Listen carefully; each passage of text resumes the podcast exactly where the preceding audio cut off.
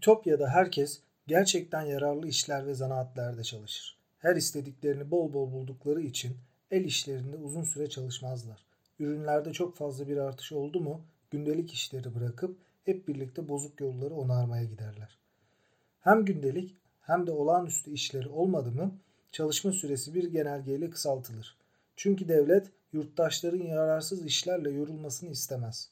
Ütopya'da toplum kurumlarının amacı her şeyden önce halkın ve bireylerin ihtiyaçlarını gidermek, sonra herkese bedenin köleliğinden kurtulmak, düşüncesini özgürce işletmek, kafa yetilerini bilimler ve sanatlarla geliştirmek için mümkün olduğu kadar çok vakit bırakmaktır.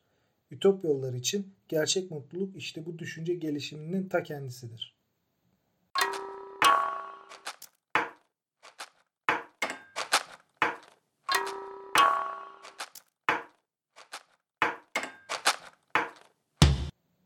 Merhabalar. Bu bölümde Thomas More'un Ütopya isimli kitabını inceleyeceğim. Thomas More 1478 ile 1535 yılları arasında İngiltere'de yaşamış bir yargıç. Bu dönem İngiltere'nin aslında kıta Avrupa'sından ayrılışının dönemi her anlamda. Kral 8. Henry'nin Katolik kilisesinden ayrılarak İngiltere'de kendi İngiliz kilisesini kurması ve başına geçmesiyle İngiltere'nin kıta Avrupa'sından ayrıldığı dönemdir aslında bu. Ve yazar da bu döneme şahitlik etmiştir. Kendisi İngiltere'nin Katolik kilisesinden ayrılınmasına karşı olduğu için ölüm cezası ile cezalandırılmıştır. Burada şöyle bir gerekçesi var Thomas More'un. Diyor ki Katolik kilisesinden ayrılarak aslında İngiltere parlamentosu diyor ki Tanrı aslında Tanrı değildir. Fakat parlamentonun böyle bir şeyi söylemeye hakkı var mı? Yok. Peki böyle bir şeyi söylemeye hakkı olmayan İngiliz parlamentosu nasıl oluyor da sıfırdan bir kilise kurup başına da kralı geçirebiliyor? Yani adam aslında yargıç yani bir hukukçu. Olaya da tamamen hukuki açıdan bakıyor. Elbette ki duygusal sebepleri de vardır. Yani kendisi aynı zamanda dindar bir insandır. Ama kendince böyle bir mantık çerçevesi var. Yazarla ilgili bu kadar bilgi vermemin sebebi de kitapta anlattığı Ütopya ülkesi aslında İngiltere'nin o dönemki kontrastı diyebiliriz. Şöyle söyleyelim. Kitap iki bölümden oluşuyor. Yazar kitabın ikinci bölümünü önce ilk bölümünde daha sonra yazıyor. İkinci bölüm çünkü Ütopya isimli ülkenin özelliklerini anlattığı bölüm. Ütopya'da hayat nasıl, şehirler nasıl, ilişkiler nasıl gibi böyle bir sürü başlıkta Ütopya'yı anlattığı bölüm o. Daha sonra da ilk bölümü yazıyor.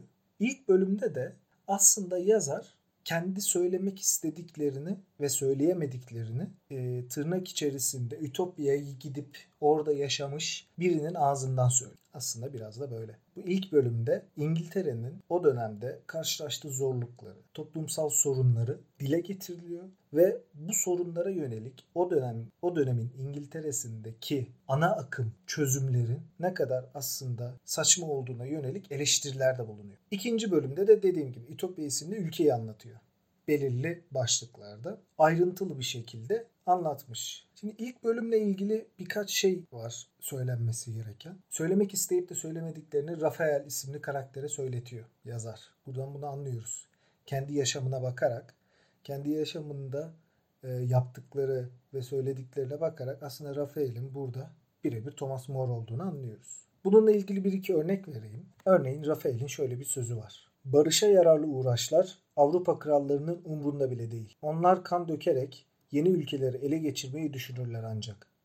Kralların sözde danışmanlarına gelince daha yüksek mevki kapmaktan, keselerini daha çok altınla doldurmaktan başka bir şey düşünmeyen metelik etmez dal. Veya örneğin o dönemde İngiltere'de en büyük sorunlardan biri olduğu anlaşılan hırsızlık ve bu hırsızlığa karşı bulunan çözümlerle ilgili şöyle bir bölüm var. Mesela hırsızlık sorununa yönelik olarak deniyor ki hırsız ne çalarsa çalsın hemen onu öldürelim. Yani idam. Rafael de buna karşı hırsızlara en ağır cezaları verecek yerde toplumun bütün üyelerine yaşama olanakları sağlarsanız ve kimse kellesi pahasına çalmak zorunda kalmazsa daha iyi olmaz mı? Yani burada aslında önerdiği şey ekonomik eşitliği sağladığınızda kimsenin kimsenin herhangi bir şey çalmak istemeyeceği. Şöyle de devam ediyor aslında bir yerde. Toplum her insana eşit bir güvenlik sağlamadığı sürece bir insanı para çaldı diye öldürmek doğru değildir. Yine bir eşitlikten, eşit haklara sahip olmaktan yola çıkarak söylüyor bunları. Aynı zamanda umutsuzluk üzerine de söylediği şeyler var. İngiltere'nin karşılaştığı zorluklara karşı bir umutsuzluk hakim. Ya bu sorunlar çözülmez. Aynı bizdeki hani bu memleket düzelmez gibi. Buna karşın şöyle bir çıkış yapıyor aslında yazar.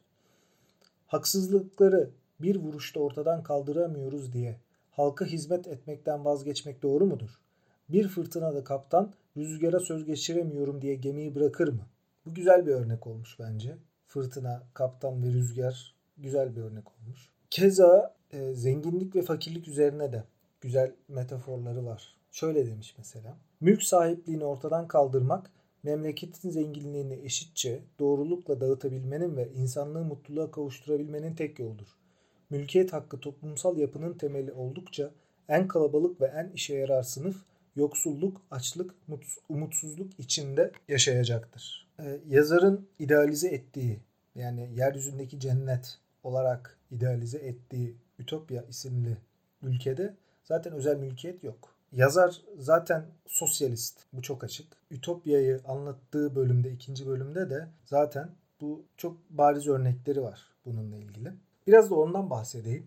İkinci bölümde Ütopya ile ilgili neler anlatmış. Belli başlıklar üzerinden ülkenin özelliklerinden bahsetmiş. Şehirleri ve başkent, e, yönetim görevlileri, bilim, sanat, yaşayış ve ilişkiler, geziler, köleler, hastalar ve evlenme, savaş en sonunda din. Bu başlıklar üzerinden ülkenin bir tablosunu çizmiş. İdealize ettiği o ülkenin. Biraz örnek vereyim bununla ilgili. Örneğin şehirler ve başkent bölümünde e, başkentin diğer şehirlerden hiçbir farkının olmadığını söylüyor.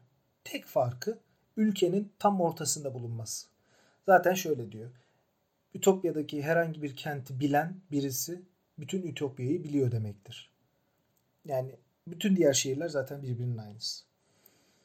Ve bu şehirlerin aslında Thomas More'un o yaşadığı Londra'yla hiçbir ilgisi yok. Sokaklar tertemiz, her evin bahçesi var ve bahçeler özenli. Kapı kilidi diye bir şey yok. Çünkü zaten evler e, kişilerin mülkiyetinde değil. Ortak mülkiyet var ve her 10 yılda bir de ev değiştiriliyor kurayla. Böyle bir sistem var. Bunun sebebi de insan 10 yıl boyunca 10 yıl ve daha fazla aynı evde yaşarsa o eve bir aidiyet duygusu besler. Kendisininmiş gibi düşünür. Bunu yapmasın diye çünkü e, özel mülkiyet yok. Bunu yapmasın diye her 10 yılda bir ev değiştirilir. Şu çok enteresan mesela acıma duygusu körelmesin diye hayvan kesmek Ütopya yurttaşlarının görevi değil. Ütopya yurttaşlarına yasak. Acıma duygusu körelmesin içindeki vahşilik ortaya çıkmasın diye. Kim yapıyor bu işi? Köleler yapıyor. Zaten en büyük sıkıntılardan biri bence. Ee, Ütopya çok idealize edilen bir ülke ama köleler var. Kölelik var yani. Şimdi burada şunu söylemek lazım. Bu kitabın yazıldığı dönem 16. yüzyıl. Onu bir tekrardan bir not düşelim. Kölenin olduğu ideal bir dünyadan bahsediyoruz. Ya şu an çok saçma geliyor ama demek ki o dönem için normal yani. Köleler alınıp satılabiliyor bu arada. Yönetim görevlileriyle ilgili de söylediği şeyler var.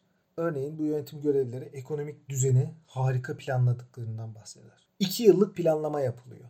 İki yıl boyunca yani önümüzdeki iki yıl boyunca her yurttaşın neye ihtiyacı olduğu, her şehrin neye ihtiyacı olduğu, hangi ekinler ekilecek, nereden ev inşa edilecek ki ev inşa etmek çok zor. Çünkü ihtiyaç yok. Bunun gibi her şey iki yıllık planlama dahilinde. Ve demokratik bir düzen var.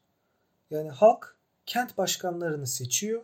Onlar da seçilen kent başkanları da üç günde bir toplanarak ülke sorunlarını konuşuyorlar. Yani bir kurultay var aslında. Şu detay çok hoşuma gitti benim. Kent başkanları bu üç günde bir yaptıkları toplantı haricinde hiçbir şekilde buluşamazlar hiçbir şekilde yani görüşmeleri yasak. Gizli iş çevirmesinler, birbirlerini gaza getirmesinler diye buluşmaları yasak. İkinci bir kurultay daha var. O da aslında senato gibi bir şey. Seçimle gelenler değil de Daha ziyade toplum içinde işte yaşını başını almış ama bilge kimseler bunlar. Bunlar da bir danışma organı gibi. Aslında ideal bir düzen öngörmüş Ütopya'da yazar. Günlük hayatla ilgili birkaç örnek verelim. Mesela yemekler birlikte yenir. Elbette ki her Ütopyalı yemeğini alıp evine gidip evinde de yiyebilir. Ama kimse bunu tercih etmez. Herkes bir örnek giyinir. Herkesin kıyafeti aynı. Aralarında bir fark olduğu yani olmasın diye aralarında bir fark olmasın diye herkes tek tip kıyafet giyer. Kadınlar makyaj yapmaz. Çünkü doğal güzelliğe önem verilir. Kadınlar takı takmaz. Çünkü altın değersizdir. Değerli taşlar değersizdir. Değerli taşları kölelere takarlar. Köleleri ve suçlulara altın kolyeler takarlar. Hatta yabancı elçiler Ütopya'ya geldiğinde şatafatlı giysilerle sokaklarda gezdiğinde herkes onlarla dalga geçer. Kanun sayısı, yasa sayısı çok azdır Ütopya'da. Çünkü ihtiyaç yok. Neden ihtiyaç yok? Şöyle bir bölüm var. Kötülük yapmak isteyen sadece karşısına bir engel çıktığı için bu kötülüğü yapmamışsa niçin suçlu sayılmasın? Bu çok hoşuma gitti mesela benim. Yani toplum sınıfsız bir toplum aslında. Ve bir tarım toplumu. Tarım toplumu olmasına rağmen de günde 6 saatlik bir çalışma var. Bakın günde 8 saat çalışma hakkı 1800'lü yılların sonuna doğru ancak geldi Avrupa'da. Yani sanayi devriminden sonra. Ama bunun 16. yüzyılda 6 saatlik çalışma gibi böyle bir hayalinin olması bile aslında çok hoşuma gitti benim. Yani bunun hayali o zamanlarda bile var. Ve neden 6 saat çalışma olduğunu da detaylı bir şekilde anlatıyor. Ütopyalılar az çalışır ama verimli çalışır gibisinden bir sürü böyle örnekle anlatmış. Boşanmak çok zor Ütopya'da. Boşanmak niye zor? Aslında bunu yazarın kendi gerçek hayatından kaynaklanan bir şey olduğunu düşünüyorum. Çünkü 8. Henry eşini boşuyor. Bu, bu yüzden Katolik kilisesinden ayrılmak zorunda kalıyor. Ayrılıyor. Zorunda kalmıyor da. Ayrılıyor.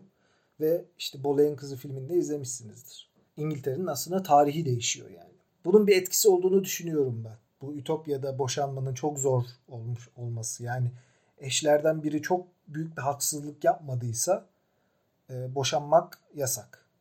Ailenin başı erkek. Kadınlar evlendiği zaman erkeklerin evine gidiyorlar. Erkeğin ailesinin erkeğin ailesiyle birlikte yaşamaya başlıyorlar. Özel mülkiyetin olmadığını zaten söyledik. Peki şu kölelerle ilgili bir, biraz daha detay vereyim. Nasıl köle olunur? Suç işlenirse eğer köle olunur. Neden? Çünkü böylesine harika bir ülkede bile suç işleyen birisi köle olmayı hak etmiştir. Özet bu aslında. Aynı zamanda eli silah tutan düşman da köle olarak alınır. Eğer eli silah tutmuyorsa düşmanın elinde silahla yakalanmamışsa o zaman yine köle olmuyor. Veya başka bir ülkede ölüm cezasına çarptırılan birisi eğer Ütopya'ya gelirse burada köle olarak hayatına devam edebiliyor. En pis işleri kölelere yaptırıyorlar. Örneğin az önce bahsettim ya herkes birlikte yemek yiyor diye. Bu ortak yemek yenilen evler var. Orada bulaşıkları köleler yıkıyor. İşte bu kasap, kasaplığı köleler yapıyor gibi. Bu yaşlılara, hastalara çok özenle bakıyorlar. Onlara çok değer veriyorlar. Şöyle bir e, detay var. Ötenazi hakkı var. Yani insanın kendini öldürme hakkını vermişler yaşlılara. Acı içinde yaşamaktansa diye. Bu çok enteresan geldi bana. Çünkü yazarın kendisi Katolik kilisesinden ayrılınmasına karşı olduğu için ölüm cezasına çarptırılmış biri ama idealize ettiği dünyada ötenazi hakkı var. Çok garip. Savaşla ilgili söyledikleri de örneğin kan dökerek zafer kazanmak bir kere hiç idealize edilmiş bir şey değil Ütopya'da. Çok hayvanca görülen bir şey hatta. Akılla dövüşmek burada önemli. Bu yüzden eğer kan dökerek bir zafer kazanılmışsa Ütopya'da bu kutlanılmaz. Bununla ilgili kutlama yapılmaz. Eğer ki zafer masada kazanılmışsa o zaman büyük festivaller düzenlenir, büyük kutlamalar yapılır. Yani burada toplumun önem verdiği şey aslında masada kazanılan zafer. Her Ütopyalı askerlik mesleğini de öğrenir. Ne olur ne olmaz diye. Ama savaşları çoğunlukla kiralık askerleri gönderirler. Din ile ilgili söyledikleri de garipti. Her din için hoşgörü var. Ateşe tapan var, güneşe tapan var, aya tapan var. Ama Ütopya'da çoğunluk Tanrı Mitra'ya tapıyor. Ama burada bir detay var. Örneğin bu Rafael denilen karakter Ütopya'ya gidip de Hristiyanlığı anlattıktan sonra Hristiyanlığa geçen de çok olmuş. Şimdi burada da Thomas More'un aslında dindar kişiliğine biraz kayıyor. Ama sonuç olarak bir çok dinli bir toplum ve çoğu da ölümden sonraki hayata inanıyor aslında. Şimdi bu kitapta aslında en önemli söylenmesi gereken şey şu. Platon'un idealize ettiği o devlet, Platon'un devletinden sonra en önemli kitaplardan birisi, metinlerden birisi. İdealize edilen ülke ve devletin incelendiği. Fakat şunu da söylemek mümkün. 16. yüzyıl için ütopya olan bir şey bugün bizim için aslında bir distopya. Yani kölelik var ya. Kölelik var yani. Nasıl bir ütopya olabilir ki? Ütopik bir şey olabilir yani. Yani bize bugün 2020'den bakıldığında çok ters gelen şeyler var. Ama tabii kitabın yazıldığı tarih belli.